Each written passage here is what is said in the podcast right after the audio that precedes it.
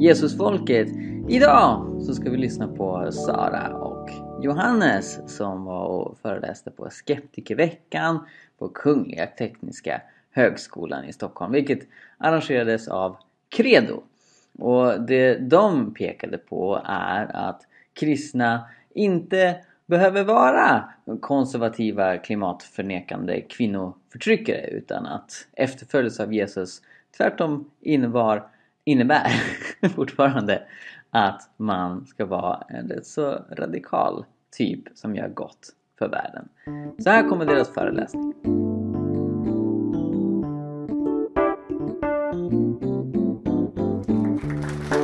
Kul! Jätteroligt att komma hit. Kul att se att så många är här. Jag heter Johannes Widlund. Jag kommer från Västergötland om det är någon som undrar var min kommer ifrån. Jag älskar musik och pluggar nu i Uppsala. Jag pluggar fred och utvecklingsstudier. Jag har precis eh, blivit klar med min, eller blir klar med min kandidat i juni och sen ska jag plugga i Stockholm faktiskt. På Stockholms universitet.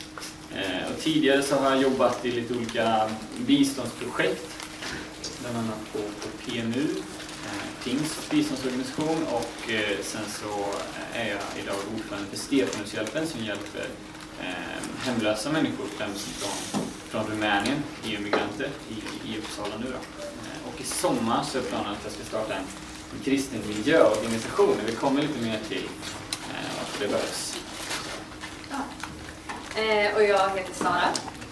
Jag kommer från Västerbotten och jag bor i Uppsala och pluggar till agronom, nationalekonom och teolog. Och jag sitter också med i styrelsen för Stefanushjälpen eh, Eh, och driver tillsammans med en kille som heter Mikael Grenholm en av Sveriges största kristna podcasts som heter Jesusfolket. Ja. Precis. Om du tänker dig en gatupredikant. Tänk så här, kostym, tänk så här, viftande med bibeln i högsta hugg. Eh, som står och predikar på ett torg. Vem är hen? Skulle du säga att eh, hen är konservativ eller liberal? Vilken sida står han på i Israel-Palestina-konflikten? Kallar han sig feminist? Källsortera den här personen. Jag tror att eh, för de flesta så finns det ganska givna svar på de frågorna. För vi har ändå, eh, oavsett om vi vill det eller inte, någon form av fördomsprofil på de flesta olika grupper. Så vår rubrik idag är ju då som sagt kristen, en konservativ kvinnoförtryckare och klimatförtryckare. Och det första begreppet där eh, är, är intressant. Men för att ni ska få lite sådär koll på varifrån vi kommer så, så anser ju vi, genom att det finns ett rättesnöre i Jesus, alltså perfekt kristendom, det är att leva exakt som Jesus levde. Eh, så det är någon sorts perfekt bild. Sen så har vi en ganska stor del av kristendomen där jag och Sara kanske också växte upp, som, som försöker sitt bästa och, och liksom kommer hyfsat nära där, men aldrig någonsin kommer nå upp till det. Och sen så finns det en, en väldigt extrem, sensationell och väldigt högljudd grupp som man hör väldigt mycket om, eh, som till exempel Knutby eller säg, säg höger, högerkristna i USA som, som tyvärr har fått skapa bilden av vad en kristen är lite grann, eh, i, i de flestas medvetna. Eh, men ordet konservativ här skulle jag säga är lite mer komplicerat än de två andra där vi har lite mer raka svar. För konservativ i en svensk kontext är ju närmast ett skällsord. Ofta används ju för att beskriva någon som är bakåtsträvande, trångsynt, patriarkal eh, och eh, förstås då höger, eh, rent politiskt. Och, och jag tror inte att konservatism måste handla om att hålla fast vid destruktiva mönster eller strukturer som vi har skapat oss tidigare. Eh, utan konservatism kan vara, som jag skulle definiera det, jag skulle aldrig ställa upp och säga att jag är konservativ i någon sorts politisk mening som det förstås i, i, i gemene mans eh, huvud. Eh, Men konservativ i betydelsen av att jag tror att det finns värderingar och principer som verkligen är tidlösa. Som verkligen håller. Eh, och att jag känner en väldig ödmjukhet inför att vi som, en, som ett samhälle kan komma fram till nya lösningar eller nya svar på frågor som, som eh, har ställts genom hela historien. Eh, det känner jag en väldig ödmjukhet inför och jag tror att vi behöver de här historiska lärdomarna och, och eh, ta kunskap från vår historia. Eh, och de konservativa värderingar som jag står fast i, som jag hittar i min bibel, de gör ju att jag gärna skulle ändra hela vårt politiska system. Så att vara konservativ behöver inte heller betyda att jag har någon sorts idealbild bakåt i tiden. Tänk America, make America great again. Eh, utan jag skulle gärna eh, bygga om samhället från grunden. Eh, jag tycker att det är en moralisk katastrof att tusentals barn dör av svält varje dag samtidigt som vi går i taket över att vi ska ha 300 kronor mer bensinskatt på en Volvo SUV för 600 000. Eh, och jag gör det utifrån mina konservativa värderingar. Eh, och utifrån det så vill jag liksom krossa patriarkat och rasism. Eh, och jag tror inte att det här är exklusivt för hur jag behandlar de här frågorna utan det har sett ut så i historien också. Kristna rotade i sina värderingar, kämpade mot slaveriet på 1800-talet, till exempel genom William Wilberforce. Kämpade mot apartheid genom exempelvis Desmond Tutu som var ärkebiskop i en av de största kyrkorna i Sydafrika. Eh, kämpade mot segregationen genom Martin Luther King. Han var ju doktor i teologi och pastor. Eh, Det kommer komma in på mer demokrati, allmän skolgång, eh, skolplikt. Idag har vi ett exempel i, i Dr. Dennis Mukwege som ni kanske har hört talas om. Han har blivit nominerad till Nobels fredspris typ sju gånger. Han jobbar mot kvinnoförtryck och sexuellt våld i Kongo. Mm. Och kristendomen har genom historien utnyttjats för maktsyften. Eftersom budskapet i Bibeln är så radikalt och skarpt i sig själv så har man behövt tolka om och tona ner stora delar av budskapet för att liksom bända det till maktens fördel. Och anledningen till att man har gjort det här Eh, är att man genom att förändra eh, grunden i, en, i den rådande religionen i ett religiöst samhälle som i princip alla samhällen har varit rent historiskt Eh, så kan man manipulera och forma folks vilja och värderingar och ge motiv till att göra moraliskt tvivelaktiga saker.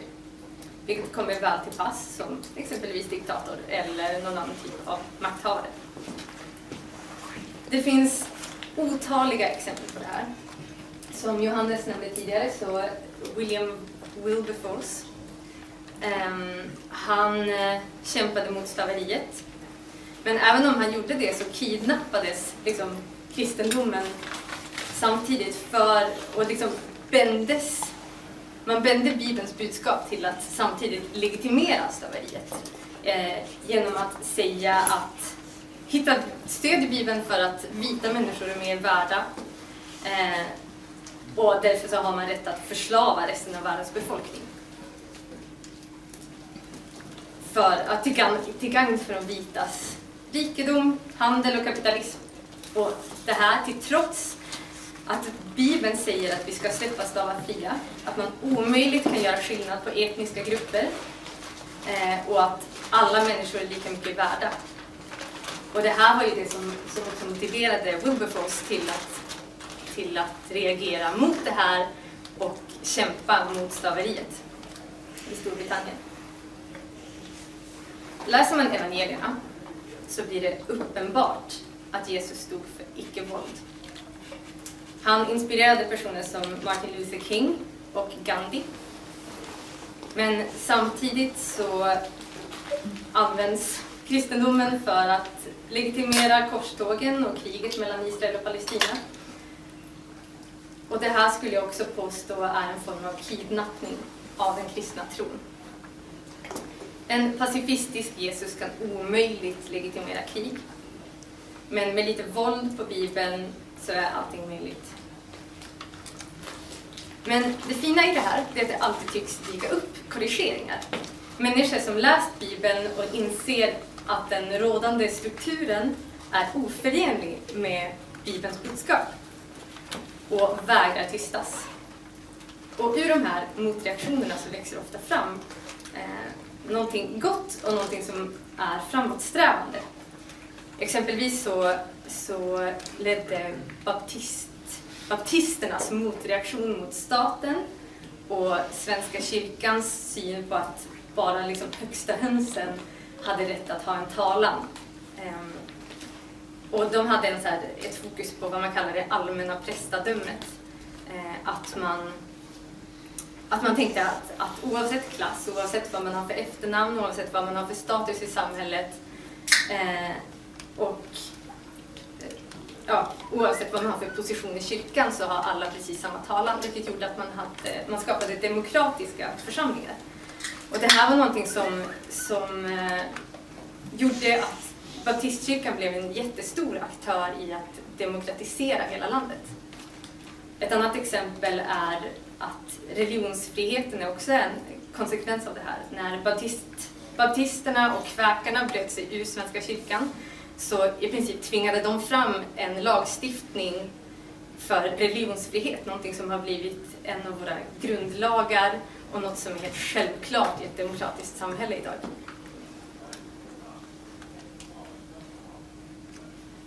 Så. Kvinnoförtryck. Jag är kristen.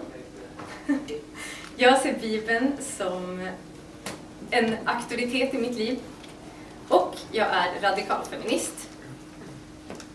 Jag är uppvuxen inom frikyrkan men hade aldrig stött på att man exempelvis kan vara emot kvinnliga pastorer innan jag började plugga teologi.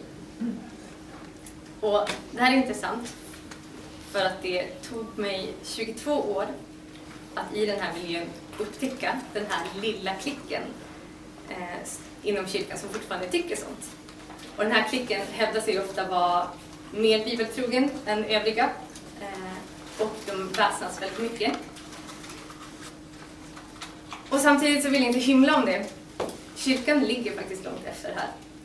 Eh, och det är tragiskt och det gör mig arg och det gick, för att, gick att använda för att väva in värderingar som gynnar makthavarna och se till att en ordning som gällde i landet inte skulle rubbas på grund av den nya religionen. Kristendomen är kidnappad av patriarkatet.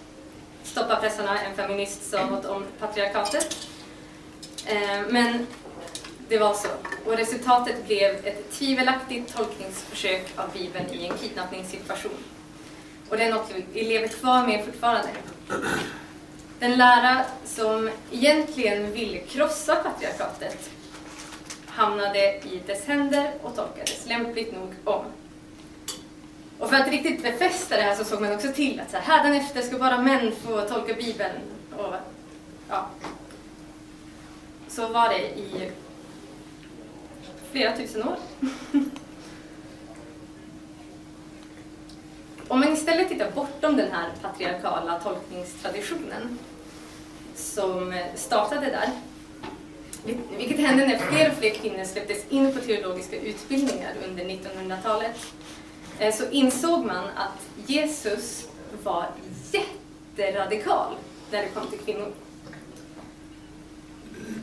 Och för att förstå riktigt hur radikal han var, för läser man Bibeln kanske inte är tydligt vid första anblicken, men för att förstå hur radikal så måste man förstå kulturen där och då. Det var nämligen så att Jesus befann sig i en grekisk-romersk-judisk kultur. Eh, och i den här kulturen, där Bibeln också är skriven, Ehm, så var kvinnan rent juridiskt mannens ägodel. Ehm, som tidigare nämnts så sågs hon som en defekt, defekt man med lägre värde. En allmänt accepterad tanke var att kvinnor inte har några själar. Ehm, och en kvinna var inte heller vittnesgill. Så, alltså, vittnesgill innebär att om, om en kvinna hade sett ett mord så kommer bara hej hej, jag såg vem som var mördaren för jag var där. De bara, ah men det kanske hade mens. Ja, och det gör att när Jesus väljer ut tre kvinnor till att vittna om det som kristendomen menar är en av de största händelserna i världens historia.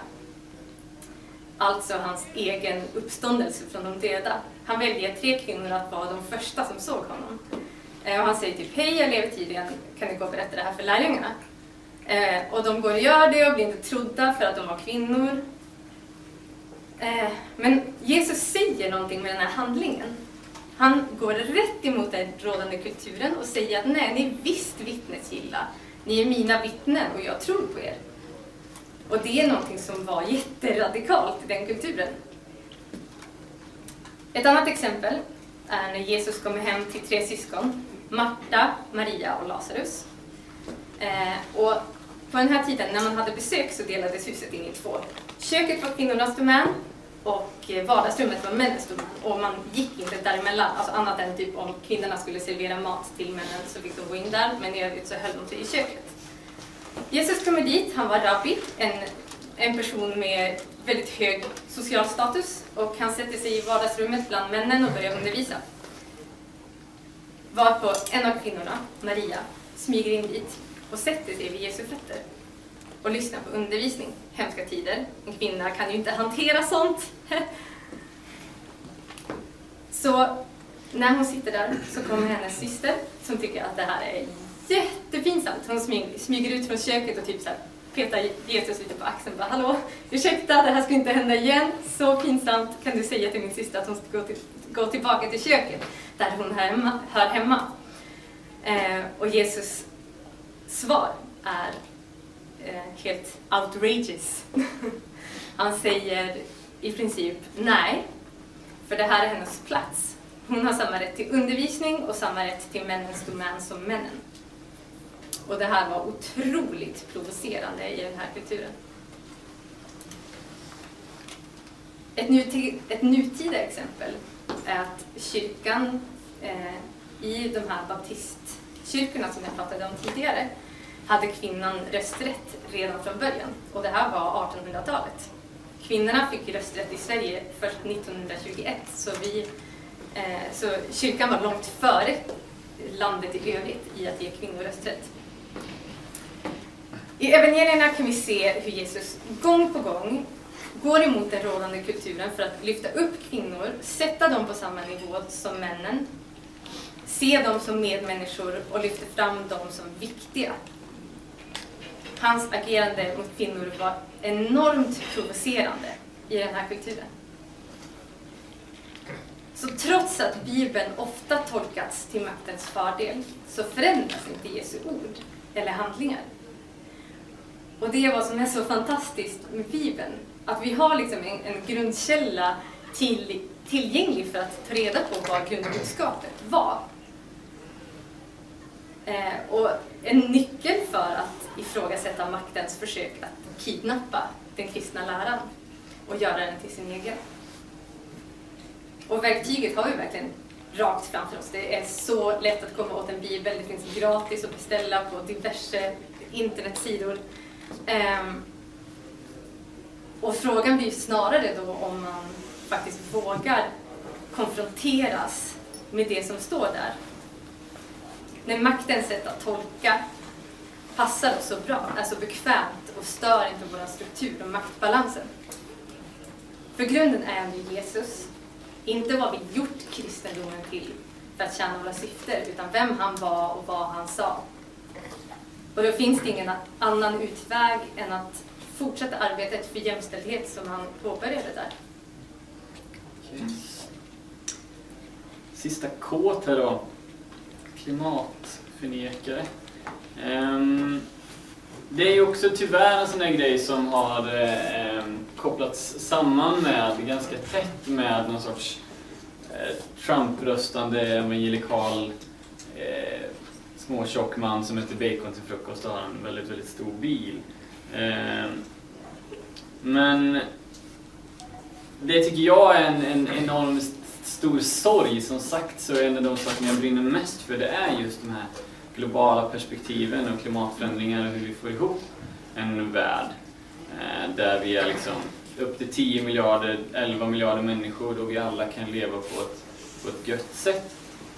Och när jag har studerat sån här hållbar utveckling och sådär så får ofta kristna mycket, eh, mycket kritik för men dels just att, att, att det är vanligt att typ amerikanska kristna förnekar grundläggande forskning. Men också att, att kristendomen har stått för det liksom paradigm eller det synsätt på hela naturen som har gjort det möjligt att eh, liksom förstöra naturen så mycket som vi har gjort.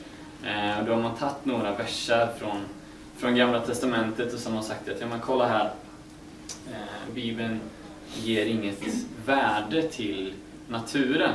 Eh, men jag har aldrig riktigt fått ihop den bilden, för precis i början av Bibeln så står det eh, att Gud skapar saker, så här, första dagen skapar han där och andra dagen skapar han där. Och så avslutas alla de verserna med, den är lite poetiskt skriven i början av, av Bibeln. Så står det, och han såg att det var gott. Och han såg att det var gott och han såg att det var mycket gott.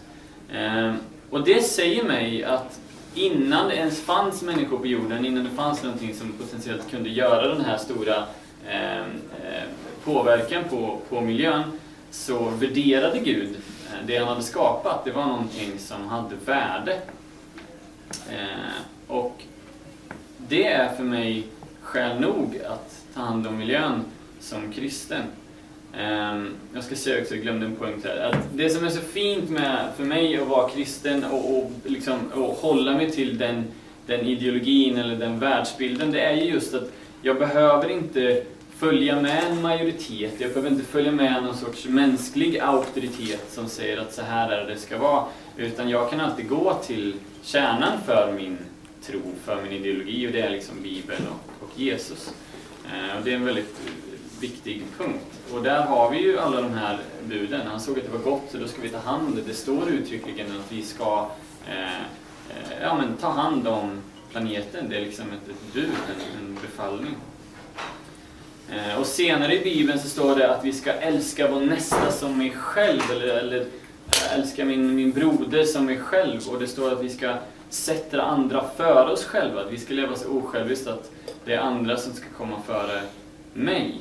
Eh, men vår livsstil idag i de rika länderna säger något helt annat. Om alla skulle leva som svenskar idag skulle vi behöva 4,2 jordklot. Och det säger mig att då är det någon annan som måste kompensera för mig. Vilket ju blir raka motsatsen till att leva så att man sätter andra före sig själv.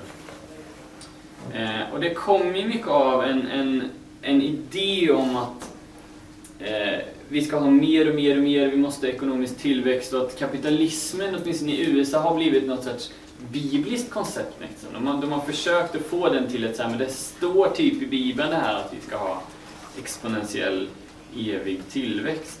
Eh, och även om det finns vissa delar av liksom, den här neoliberala eh, världsparadigmet som vi lever i nu med frihet och frivillighet och så vidare, så är det ju också grundat i, i girighet och själviskhet. Ehm, och anledningen till att jag tror att det är många som lyckas få ihop kristendomen med klimatförnekelse, det är just att, precis som Sara varit inne på, att kristendomen har kidnappats av världsliga idéer om till exempel eh, självisk ekonomi. Jag ska, jag ska inte jag dra ut på tiden här. Men eh, det finns andra, många kristna som säger så här, nej men hörni, Jesus kommer tillbaka snart och det kommer komma en ny jord och vi kommer ta till himlen eller, eller hur man nu vill tolka det. Eh, så det, vi, behöver inte, vi behöver inte fokusera på det här. Och för mig är det fullständigt... Eh, alltså det är en mental bakåtkullerbytta. För mig låter det som man säger alla ska dö så jag kan lika gärna döda någon. Eh, och man särkopplar att alla människor måste leva i en miljö och dessutom så går det emot att Gud säger att vi ska ta hand om planeten.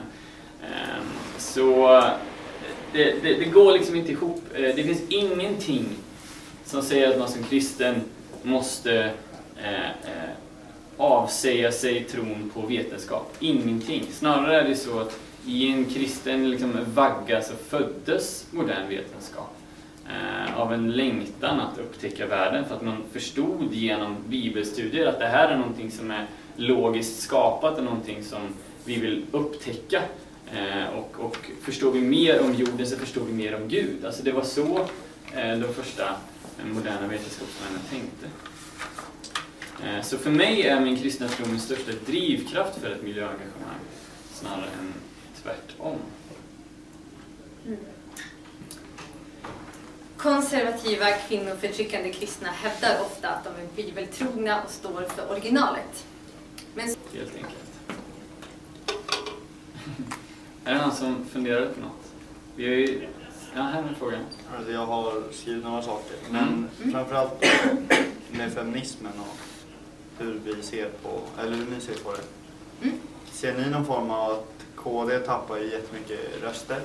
Att Mm. de faller och istället vaknar någon kristen vänsterpolitisk organisation? För det låter som att det går mer mot det, i alla fall i en yngre, yngre generation. Jag kan bara, du får svara på den här för det är ändå ditt ämne. Men, men det som är intressant är att de har ju kunnat visa att, alltså till exempel i Svenska kyrkan, bland präster så, så är det flest som röstar på Miljöpartiet till exempel.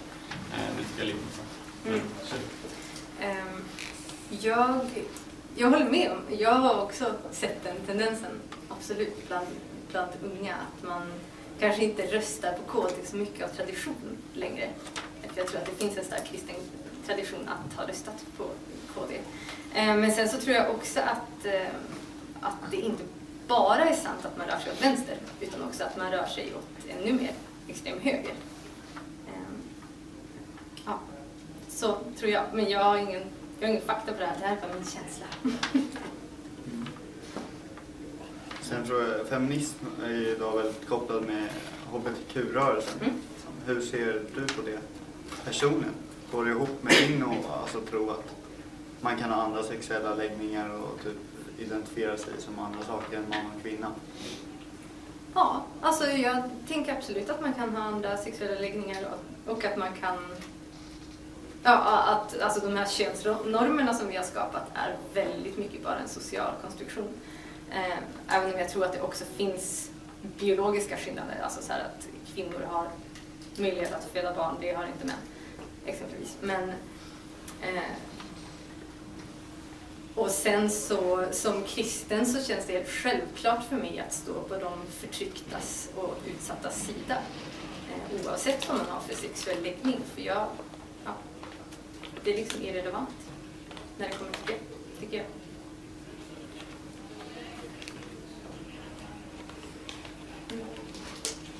Har vi fler frågor? Du har fler ser jag. Eller? Alltså jag... men, nej, men, jag tänkte på det här med att det hade kidnappats och typ man har använt kristendomen som en ursäkt till väldigt mycket dumt i världen också. Mm. Och Bibelns ord har tolkats fram och tillbaka.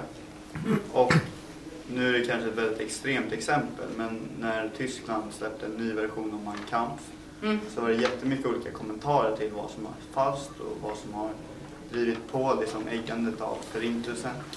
Och ni säger att det är lätt att beställa en bibel, men är det rimligt att kunna beställa en bibel som eller att bibeln ska trycka sin version där man problematiserar och har kommentarer till vad vissa meningar har orsakat för debatter och vad som har tolkats som sant och falskt och bra och dåligt. Alltså det du beskriver där tycker jag låter som en studiebibel. Det finns ju enormt många olika översättningar, speciellt om du, om du kollar på engelska biblar, men även i Sverige. Och i princip de allra, allra flesta har ju små kommentarer. Eh, Mm. eh, för hela bibeln är indelad i kapitel och verser, så i princip varje mening är ju en egen vers. Eh, och sen så är det en kommentar till den versen. Eh, sen så är det ju kanske de flesta av de kommentarerna är ju mer fokuserade på, ah, men okej, vad betyder det här? Eller i en judisk kultur, vad, vad innebär det? Och sådär. Men, men det har ju skrivits ofattbara mängder kommentarer, alltså dels i, i biblar med kommentarer men också liksom rena utläggningar av texter som, som problematiserar sånt här. Men tänker du att det skulle vara liksom varningar eller, eller? Nej, men alltså i det här fallet, jag tror man kan snarare att den faktiskt lyfter fram fakta, vad som var sant, vad som var falskt, vad han just det. på. Mm. Och kanske så här, här hittade jättemånga stöd för den här vidriga handlingen.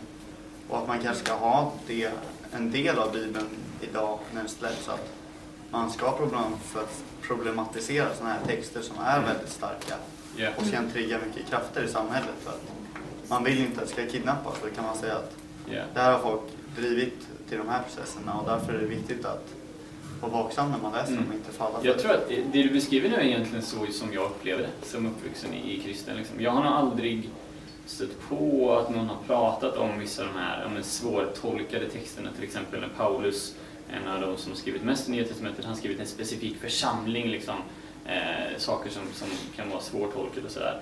Men då får man alltid det i kontext. Så att jag tror att eh, jag upplever nog att det finns ganska mycket sådana.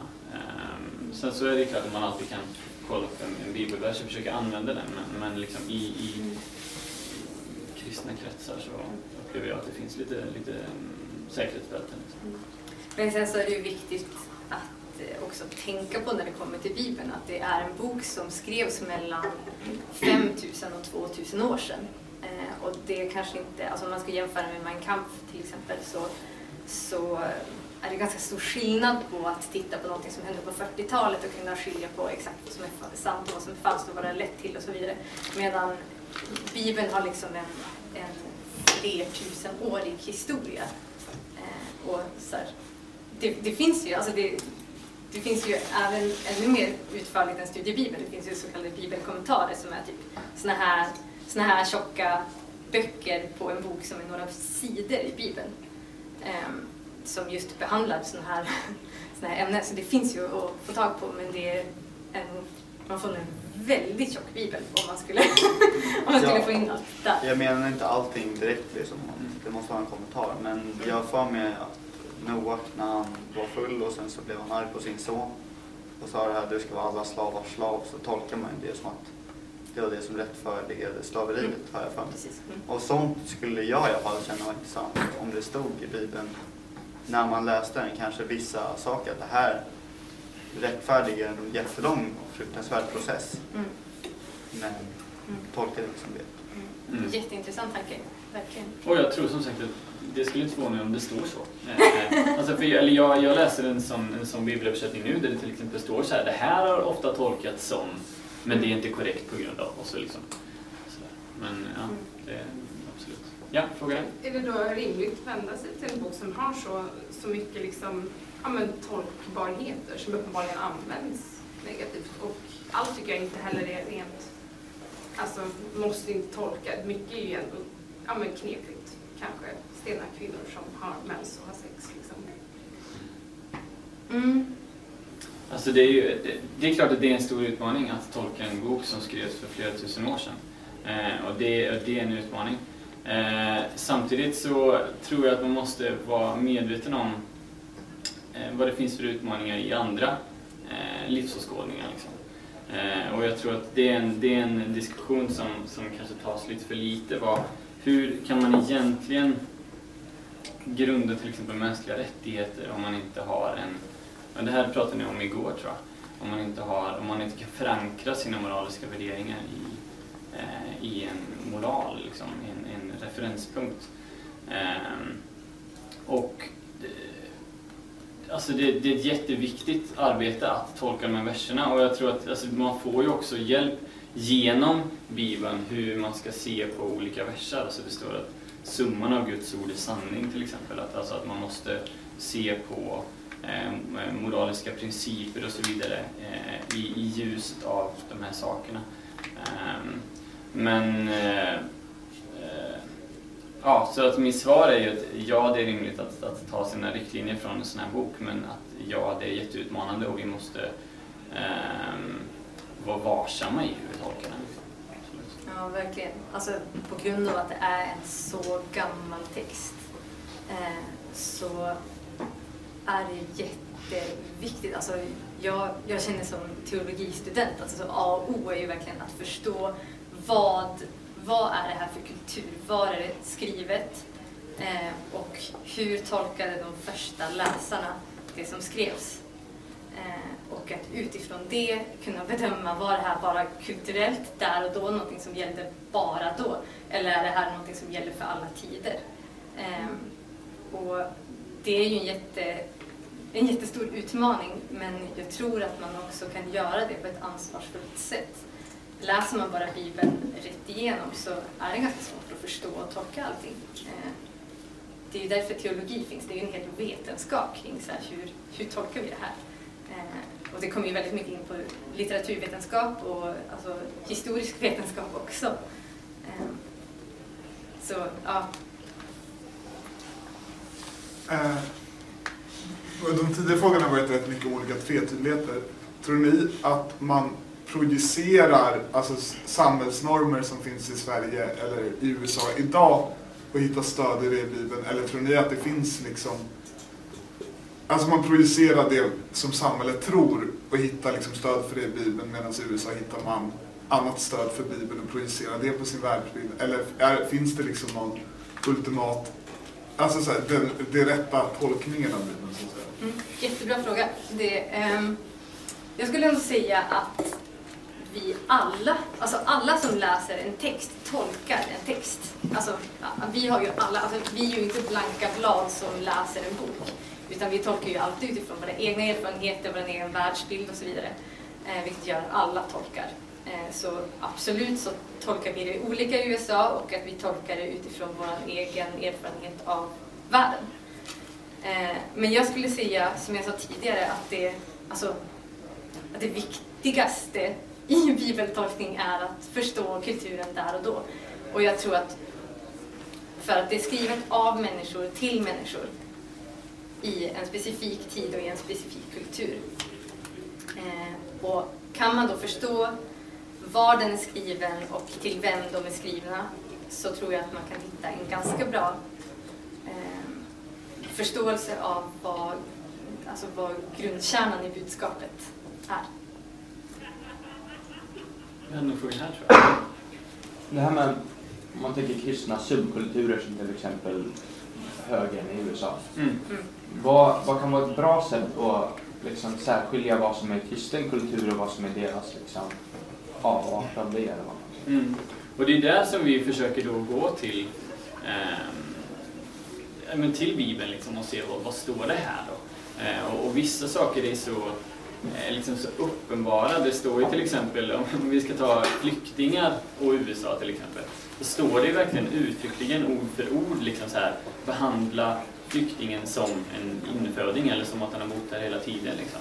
Ehm, älska din nästa som dig själv och så vidare. Det står var inte rädd 365 gånger i Bibeln. Det skulle också vara bra att kasta in lite i, i den subkulturen i USA. Ehm, så, Alltså det är Strikt liksom. Det, jag, tycker det är en, jag tycker det är en väldigt intressant fråga själv. Alltså för att det är, alltså vem har liksom företräde i att tolka Bibeln? Är det, är det teologen som sitter på sitt lilla kontor på Uppsala universitet eller är det människan i en liten by i Uganda som, som eh, verkligen strävar efter att leva ut sin tro? Eh, så det, det pågår en ständig debatt om, om det här och i vissa kyrkliga traditioner så menar man ju att vissa har tolkningsföreträde. Katolska kyrkan har konciliet och påven eh, medan i, i Sverige så, så har vi ju ingen sån hierarki riktigt. Eh, så jag skulle inte säga att det riktigt finns någon som har riktigt så här, tolkningsföreträde uttalat. Men sen så, så här, jag kan ju vara ärlig och säga att vi har också mycket, så här, i mångt och mycket haft så här, västvärlden och vår akademiska värld som någon slags tolkningsföreträde i världen. Vilket nu har börjat problematiseras jättemycket av så här, indiska teologer och afrikanska teologer och sydamerikanska teologer som har börjat tolka Bibeln utifrån deras kontext och deras ögon. Ehm, men jag tror också att det finns en väldig ödmjukhet inom den teologiska disciplinen att man försöker lyfta fram helt andra perspektiv och andra, eh, ja, andra tolkningstraditioner eh, för att försöka skapa någon slags helhet och en, alltså en mångfald och att det kan samexistera. En sista fråga. Eh, hur, eh, du, du nämnde att du ville starta en kristen miljöorganisation. mm. Vad är skillnaden på en kristen miljöorganisation och en miljöorganisation? Egentligen bara att, att jag vill fokusera på, alltså även i Sverige, även om det verkligen inte är lika illa i, som i USA. Det, det är färre människor tror på klimatförändringarna nu än de gjorde för 20 år sedan i USA. Det är liksom helt ofattbart. Eh, men även inom kyrkan i Sverige så finns det en mer utbredd skepsis, som jag uppfattar det, gentemot det här än, än eh, i övriga samhället. Eh, så det är en att, att det verkligen behövs i just den här just de här människorna. Det andra är att, att jag hittar mycket argument genom min kristna tro eh, som jag tycker att andra kristna eh, borde höra. Liksom. Eh, och eh, att, eh, att jag personligen kan tala det här språket. Liksom. Jag är uppvuxen i kyrkan så att jag tror att jag kan göra mest skillnad där. Eh, så, så det är mer att jag ser ett, ett, ett hål där det inte finns någon miljöorganisation än att jag på något sätt vill, vill tävla med andra miljöorganisationer. Liksom. Utan mer som att jag tror att, att, att jag eller det jag vill skapa skulle ha lite mer jag skulle ha möjlighet att få komma till kyrkor som inte Greenpeace skulle bli inbjudna till. Liksom. Typ så. Mm. Men jag tänker också att en, en fjärde anledning, Mm. jag får lägga ord i munnen på Nej, dig. men. Eh, men en fjärde anledning är ju att vi är ungefär två miljarder kristna på jorden idag. Mm. Eh, vilket gör att, alltså, tänk ifall alla kristna skulle börja bry sig om miljön och faktiskt Mm. kämpa för det så skulle det alltså, ske en jättestor förändring. Ehm, så det är ju också en, alltså, det är ett bra forum att börja där man kan påverka väldigt Mm. många människor och där man har väldigt mycket utbyte med varandra också. Ja. Yes, har vi en sista Hur tror ni att en feministisk kristen organisation skulle flyga? Det finns det. va? Ja, det finns. Ehm, nu kommer inte ihåg vad de heter. I Eh, Sverige eller? Men Svenska Freds har ju Ja, precis. Svenska Freds har en Kristna feminister finns det någon, som, någon Facebookgrupp som Ja, heter. precis. Det finns en i Stockholm, eh, Kristna Feminister i Stockholm finns det på Facebook som man kan gå med. Den har varit lite inaktiv den senaste men det brukar ha varit någon träffar ibland. Men ja. Precis. Mm. Ja. Så det, det finns och de flyger ganska bra. Men, men sen så, alltså jag, som sagt, kyrkan ligger efter här och det finns ett jättejobb att göra. Men sen är, sen är det också, vi diskuterade på vägen hit, alltså feminism är ju ett väldigt eh, politiserat begrepp. Alltså, jag tror det är 11 procent av, av människor i Storbritannien identifierar sig som feminister. Så det är inte bara problem inom, inom kyrkan liksom. Eh, och att det nog har blivit en, en ännu större liksom, stötesten i kyrkan eh, Mm. jämfört med utanför. Så att, Mm. eh, ja, vi till exempel jobbar ju på att göra det lite mer rumsrent och kalla sig feminist i kyrkan. Men, men det är ju... Ja, ja, alltså, kristna för jämställdhet skulle ha väldigt mycket lättare att få folk till sina samtal. Yes!